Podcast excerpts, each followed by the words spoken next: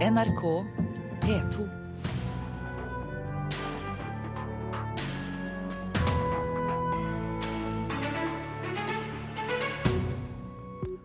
Fribyordningen for forfulgte forfattere står for fall. Det mener ordføreren i Stavanger. Skolene feier kulturarven vår under teppet, mener Kirkevergen i Oslo. Men uh, møtet med det flerkulturelle er års... mener med det flerkulturelle er årsaken til at folk ikke husker julesangene. Fagpersoner og museumsfolk må tas med i arbeidet for å stanse ulovlig innførsel av kulturminner fra krigsområder. Det mener arkeolog og forsker hos Riksantikvaren. Og vi tar debatten om hvem som har ansvaret for ulovlige kulturminner her i Kulturnytt mot slutten av sendingen. Ordføreren i Stavanger frykter altså at fribyordningen for forfulgte forfattere står for fall hvis regjeringen ikke gjør noe for å bevare den. Regjeringen kutter nemlig kraftig i flyktningkvoten, som gjør at norske byer kan ta imot forfulgte forfattere. Kvoten blir mer enn halvert neste år fordi syriske flyktninger skal prioriteres. Fribynettverkets Elisabeth Dybvik sier at hun allerede ser konsekvensene. Jeg kan jo nevne at den ene fribyforfatteren som vi nå venter med, må vente med å få tatt inn, han er fra Bangladesh. Han har familie. Han er en av bloggerne, ateistiske bloggerne der fem av de bloggerne er blitt drept bare i år. Really, I was astonished when I heard the news. I think this is unfair. Jeg ble overrasket, det er urimelig, sier Mohammed Habib, som kom til Stavanger som fribyforfatter fra Syria i høst, sammen med kone og to voksne barn. Han sikter til at regjeringen kutter drastisk i flyktningkvoten, som gjør at forfulgte forfattere kan komme til Norge. Then I didn't only bring me here, it gave me life, it saved me death. Uten hjelpen fra fribynettverket Icorn hadde jeg ikke kommet meg levende ut av Syria, sier oversetteren og menneskerettsforkjemperen som satt fengslet i ni år i hjemlandet.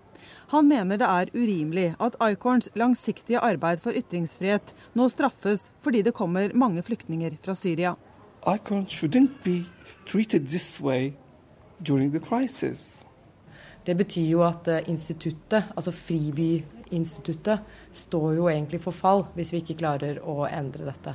Sier ordfører Kristine Sagen Helgø i Stavanger, en av 14 norske byer som tar imot forfulgte forfattere. I forslaget til statsbudsjett er 3000 flyktningplasser forbeholdt syrere. 120 åpne plasser gjenstår da til andre, mot 300 tidligere.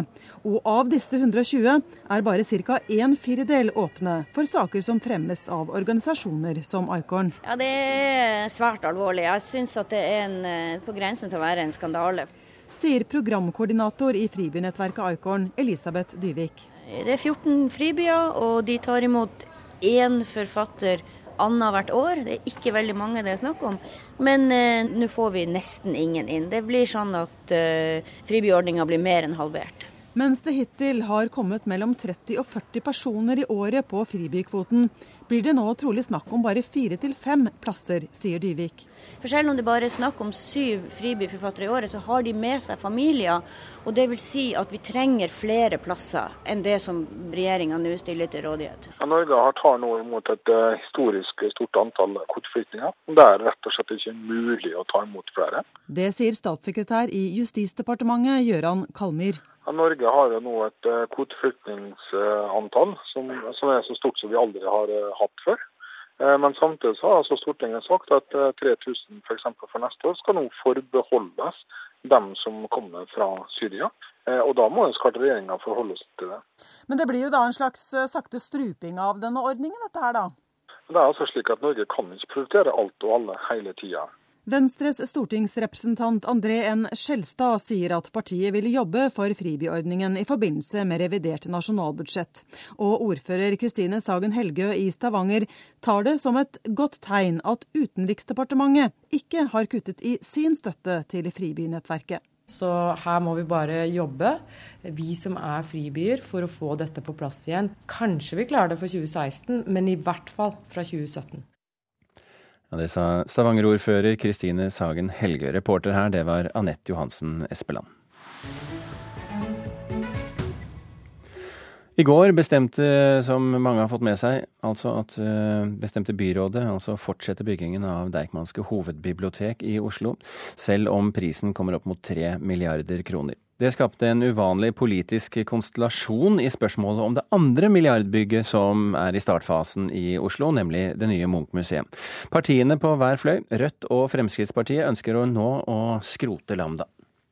Vi mener at det er på høy tid å skrote Lambda, som er et ekstremt dyrt bygg, uegnet for å vise fram kunst, og heller gå inn for å bygge et nytt, moderne museum på Tøyen til halve prisen, til beste for Munchs kunst og for alle innbyggerne i Oslo. Her er jeg stort sett enig med Bjørnar Moxnes, bortsett fra at vi vil at man skal benytte det gamle Nasjonalgalleriet som et Munch-museum. Det er bygget for å vise kunst, men det å grave ned 3000 millioner kroner til et uegnet bygg i Bjørvika er helt meningsløst. Ja, Det sa Carl I. Hagen, og før det hørte du Rødts Bjørnar Moxnes. Kulturbyrådet i Oslo, Rina Mariann Hansen, sier at det foreløpig ikke er aktuelt å legge planene om nytt Munch-museum på is. Vi har sagt at vi skal gå inn og se på alle store investeringsprosjekter kommunen skal gjøre i framtiden. Jeg tror en av de store feilene man har gjort i Oslo kommune, er at man har sagt bygg, kjør på uansett kostnad. Nå har vi vist at vi faktisk tar en fot i bakken og ser om dette er riktig bruk av pengene. Og vi kommer til å gjøre det med alle investeringsprosjekter som Oslo kommune har i framtida. I møte med det flerkulturelle samfunnet er grunnskolene blitt redde for å nevne Jesus og lære bort kulturarv som Glade jul og Deilig er jorden. Det mener kirkeverget og tidligere skolebyråd i Oslo, Robert Wright. På Dagsrevyen i går fikk vi se at dagens ungdom sliter med teksten på gamle julesanger. Glade jul,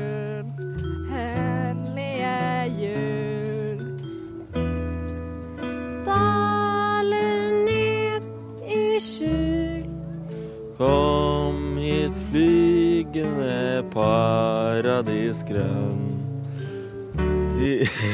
Å, jeg har den på tunga, men jeg det ikke, finner det ikke. Det ble bom stopp for ungdommene Dagsrevyen utfordra til å synge 'Glade jul'. Og ifølge en rekke prester, deriblant sogneprest i Sinsen kirke, Henning Vik, er det ikke så mange som kan de tradisjonelle julesangene lenger. Kanskje til og med 'Deilig er jorden' ikke blir en sang man synger om en del år. fordi den er det jo de eldre som elsker, og så er ikke ungdommene så gode på den teksten. Og så kanskje så kommer den litt i glemmeboka etter hvert.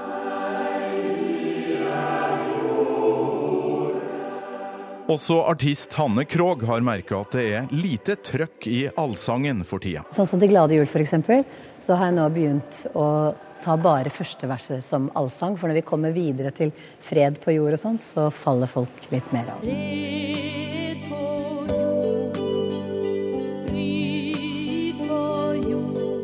Tror ikke det er så mange dessverre som synger hjemme. Og da blir det, det er egentlig bare ett sted man kan lære det. Det er jo ja, selvfølgelig barnehagen, men så blir det skolen. At der må sanger læres, ellers så, så kommer det ikke inn. Og i skolene finnes det ingen retningslinjer på hvor mye glade jul, hellige jul man skal lære bort, og praksisen spriker. Roar Ringsby er rektor ved Flekkefjord skole, der tradisjonene holdes i hevd. Her på skolen synger vi både kristne julesanger og vanlige andre julesanger, som f.eks. julekveldsvisa og Deilig er jorden, På låven sitter nissen osv. Det er en del av den norske kulturarven som vi formidler gjennom det. Det er min oppfatning.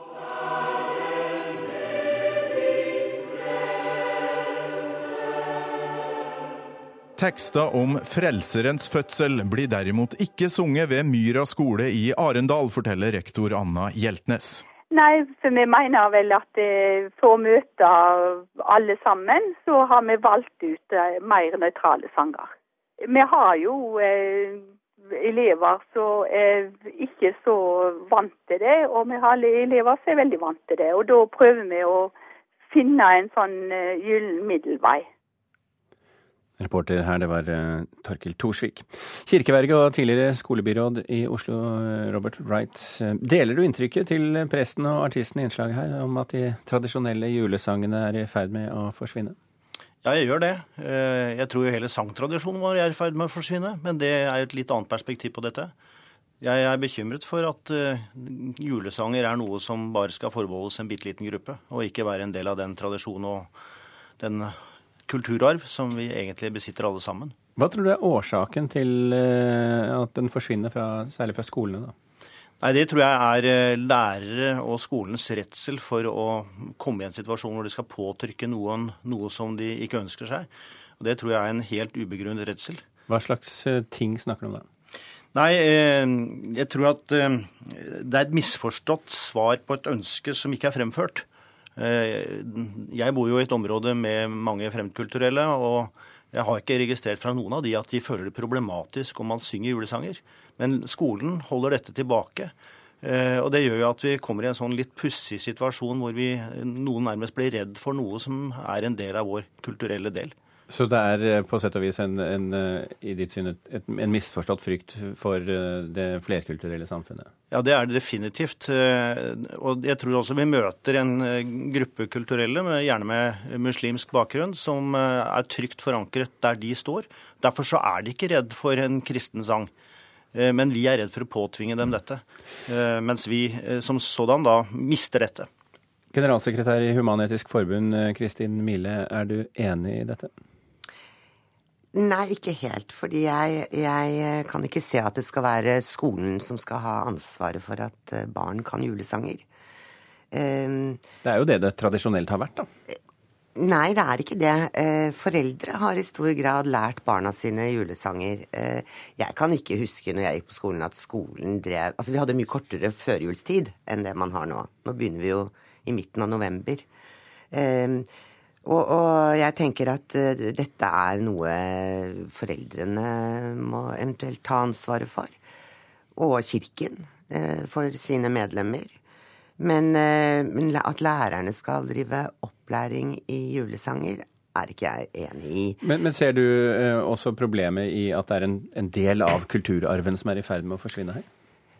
Jeg vet ikke om jeg syns det er problematisk, men at, at, det har endret seg gjennom årene, det er helt åpenbart. Og jeg tror jo like gjerne det har noe med eh, hva skal jeg si, at vi har mange flere inntrykk eh, i førjulstida. Det er mye mer eh, julemusikk som overhodet ikke er religiøs.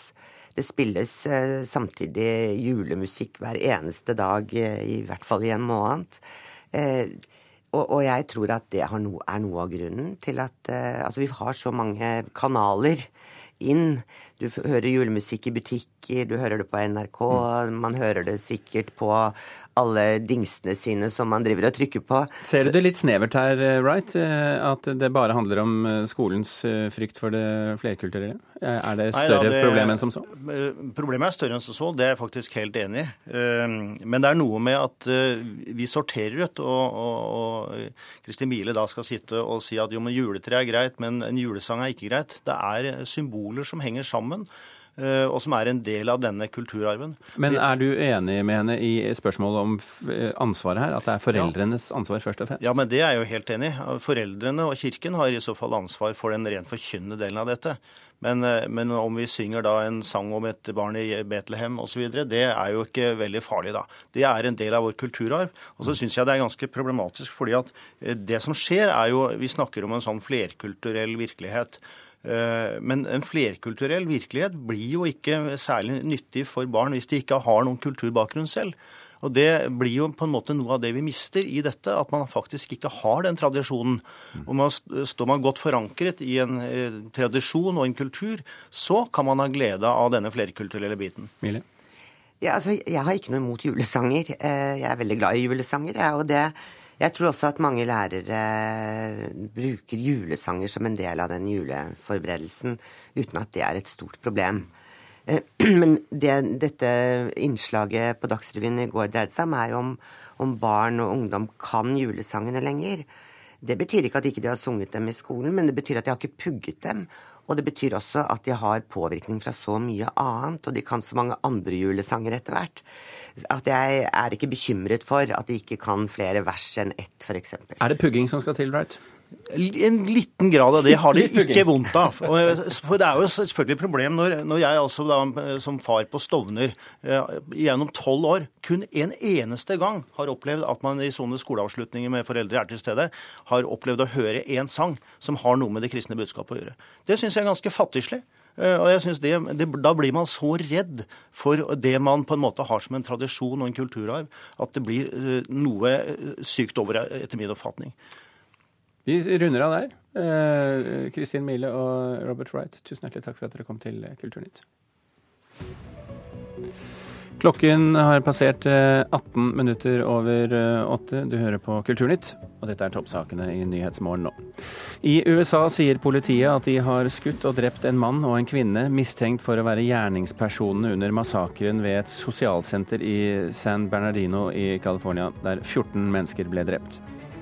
Storbritannia har nå utført sitt første bombeangrep mot IS i Syria. Det rapporterer Reuters. Regjeringen fikk rett før midnatt flertallet i Underhuset for å bombe IS-mål i Syria. Og Stortinget vil at det skal bli lettere å få opphold for ofre for menneskehandel. I dag blir mange av ofrene sendt ut av Norge selv om de har anmeldt bakmennene sine til politiet.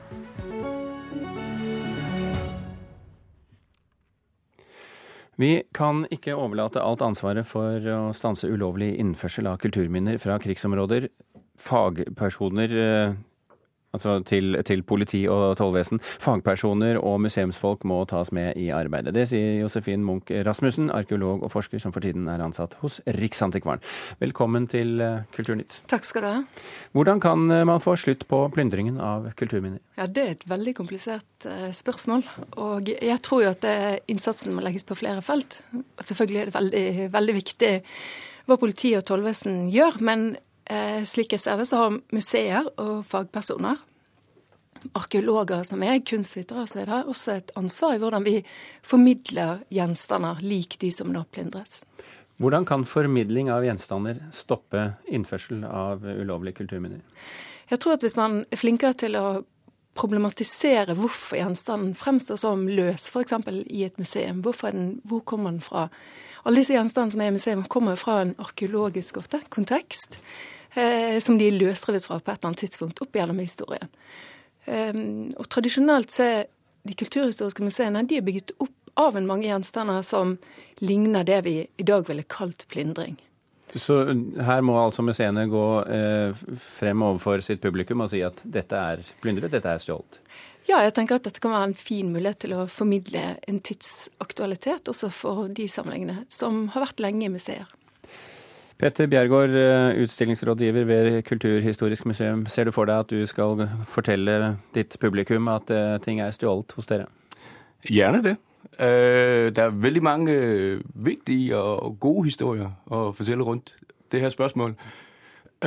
Og jeg syns i prinsippet også at museene har gjort en stor del i den retning de seneste 10-20 år. Kanskje især innenfor etnografiske museer, men også andre kulturhistoriske museer, at tingenes historie og øh, innsamlingshistorie og så, så videre er vesentlig å fortelle når vi øh, driver med utstilling. Men er det det som skal til for å stanse øh, innførsel av plyndret, plyndrede kulturminner? Jeg synes det er vanskelig å svare på. Jeg, jeg, jeg er jo enig i at museene spiller en rolle. Og jeg, jeg synes det er en veldig fin poeng at den måte museene stiller ut gjenstander, ikke bare de temaer vi tar for oss, men, men også den måte vi stiller ut på, øh, har en betydning. Øh, men det jeg sådan tenker rundt det her, det er at den forpliktelse museene har, det er jo ikke bare å fortelle en historie som kommer fra vår samtid, men også en, den store sånn, mangfoldighet av muligheter som er i gjenstandene i det hele tatt. Og det kan jeg se som øh, utfordring hvis vi sånn, fokuserer for mye på et spørsmål som det her om plyndringshistorien og om samtidens øh, handel med kulturgjenstander, at der faktisk er en hel masse fortellinger i tingene, som ikke øh, kommer frem, fordi vi legger nutidens perspektiv ned, ned over tingene. Og Det er den utfordringen jeg syns det er i det her spørsmålet. Ser du at det kan bli et problem, at man rett og slett uh, tegner et uh, At det blir et fortegnet bilde av kulturminnet når man fokuserer for mye på historien, uh, altså plyndringshistorien? Ja, og så når ting er havnet i et museum, så vil jo det uansett være en problemstilling og et tema. Og man, Det å kunne fortelle på en måte den hele komplekse eller alle de interessante historiene eller sidene ved en gjenstand vil uansett alltid være en utfordring. Men jeg savner dette perspektivet i de utstillingene som er i Norge i dag, av denne type samlinger av ikke bare materiale fra Midtøsten, men fra Kina, fra, fra Sør-Amerika. Sånn at man, man, kunne kanskje tillate seg å i noen tilfeller også gå bort litt fra det estetiserende, som jeg ser at man likevel også velger i dag. ikke sant? Mm. På Kulturhistorisk museum eksempel, at man, har man utstilt en, en, et gravportrett eller en byste fra, fra Palmyra, som er revet løs fra en grav i Palmyra. Eh, og der har man likevel også fokusert på det estetiske siden ved det. Sånn at gjenstanden fremstår mer som en kunstgjenstand enn en, en arkeolog, et arkeologisk fragment fra en forhistorisk situasjon. Mm. Eh, dette, denne, denne, saken vi snakker om nå, den har jo vi eh, lest oss til i bladet Museumsnytt, eh, Bjerregård. Er dette et, en tematikk som du opplever at norske museer er opptatt av? Ja, det, det, mener jeg, det er. Og det, er, det kommer frem på flere konferanser og så videre internasjonalt. Men uh, vi kan ha en utfordring i å bygge opp nok kunnskap uh, på museene rundt det her området. Fordi det, det kommer inn rundt museenes forvaltning, og ikke nødvendigvis en del av det vores øh, forskningsansatte er opptatt av? Opp, ja, fra starten av. Men hva gjør dere på Kulturhistorisk museum, da? Ja, men vi har, vi har nogle sådan stjernepersoner, som jobber tæt ind i det her tema, og vi har opbygget øh, forskningsgrupper, som jobber med øh, kulturarv øh, som tema, og ser på det fra en veldig masse ulike vinkler, også, men også ind i forhold til problematikker rundt krigsplyndringer og, og handel med kulturgjenstander. Rent uh, konkret, uh, Munch Rasmussen, hva mener du norske museer bør gjøre? Ja, nå syns jeg at det hadde vært veldig, veldig konkret. Men eh, ja, man kan jo eh, Det å gjøre undersøkelser av eierhistorier i egne samlinger, sånn som noen museer har vært veldig flinke til. Henny Jonstad kunstsenter er et veldig godt eksempel. Ja, De ble jo nærmest pressa til det, da. ja, det kan du si. Men av og til så må det press utenfra til for at disse institusjonene skal eh, ha et kritisk blikk på egen samlingshistorikk. Hva, hva, kan man oppnå? Kan man oppnå bedre samlinger av dette? Kan man oppnå bedre utstillinger av det? Ja, altså jeg tror jo at eh, det å utfordre museer på denne måten, det, det kan eh, gi en viss kreativitet. Og, og, jeg er helt enig i at Kulturhistorisk museum og andre museer tenker bra om, om dette også. Mm. Bete Bjergård og Josefine Munch Rasmussen, tusen hjertelig takk for at dere kom til Kulturnytt.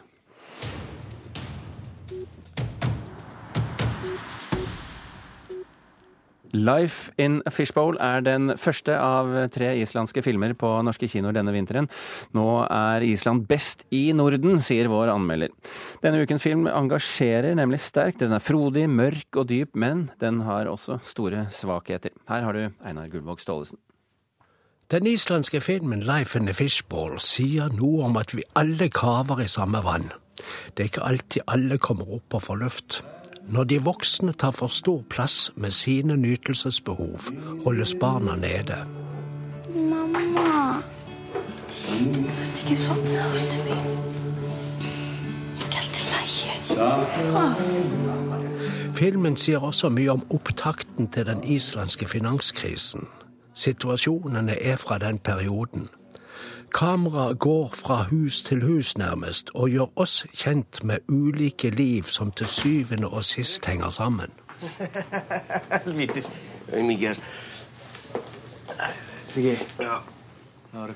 Noen henger i bar, én er forfatter som drikker, én er styrer i barnehagen, én var fotballspiller og er blitt finansmann med store prosjektoppgaver.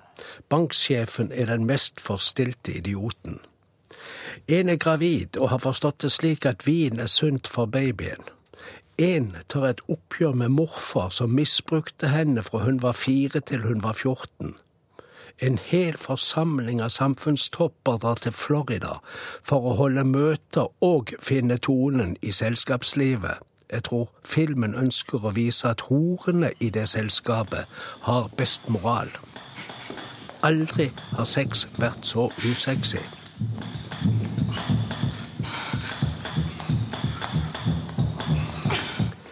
De fleste vi ser innom, befinner seg i situasjoner hvor alt foregår over evne. Livsløgn blir avslørt, vi føler at det skal komme et sammenbrudd i hele konstruksjonen. Life in a Fishball er en film med frodighet. med alvor og med dybde, men den er ikke årets beste fra Island. Det er mange medvirkende som ikke klarer rollene sine. Noen er utafor. Noen tar for hardt i når de spiller dritings. Andre fungerer svært godt. Hera Hilmarsdottir forfører kamera. Hun spiller Eik, en ganske god mor. Førskolelærer og frilansprostituert i samme rollefigur. Manstu hvor de kommer? Var Voru ikke ekki med tre, treen? Jo, ja já. Við vorum koma að. Ja. Alle bruddstykkene og avsnittene står i en sammenheng, men det tar tid før vi finner tråden.